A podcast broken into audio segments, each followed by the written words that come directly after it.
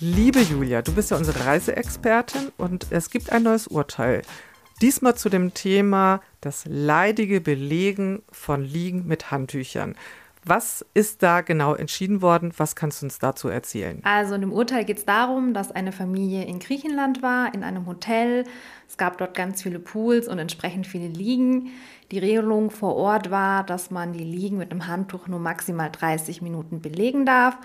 Und das Problem der Familie war jetzt, die haben grundsätzlich keine Liege bekommen, wie man es halt leider kennt. Und der Veranstalter hat sich geweigert, irgendwas zu unternehmen. Die Familie ist hingegangen, hat sich beschwert, aber letztendlich hat es nicht geholfen. Und das Gericht hat dann entschieden, ja, das ist ein Reisemangel und hat der Familie letztendlich Geld zurückerstattet. Heißt das jetzt, es reicht, wenn ich einfach Fotos von handtuchbelegten Liegen mache oder muss ich ein bisschen mehr dafür machen, um hier zu meinem Recht zu kommen und kriege ich das immer?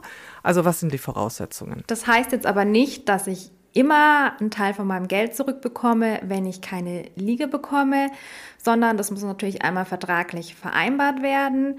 Ich muss mich in jedem Fall auch einmal oder mindestens einmal beim Hotel bzw.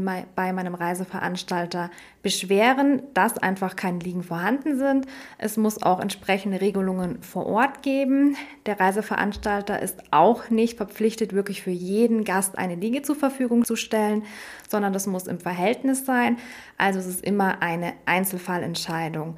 Wichtig ist immer, den Kontakt aufzunehmen und auch ganz wichtig, man muss sich auch nicht selber darum kümmern. Man muss jetzt nicht zu anderen Reisegästen hingehen und sagen, hey, tu dein Handtuch weg, weil das muss man sich im Urlaub nicht antun. Die Verbraucherhelden, der Podcast der Verbraucherzentrale Bayern.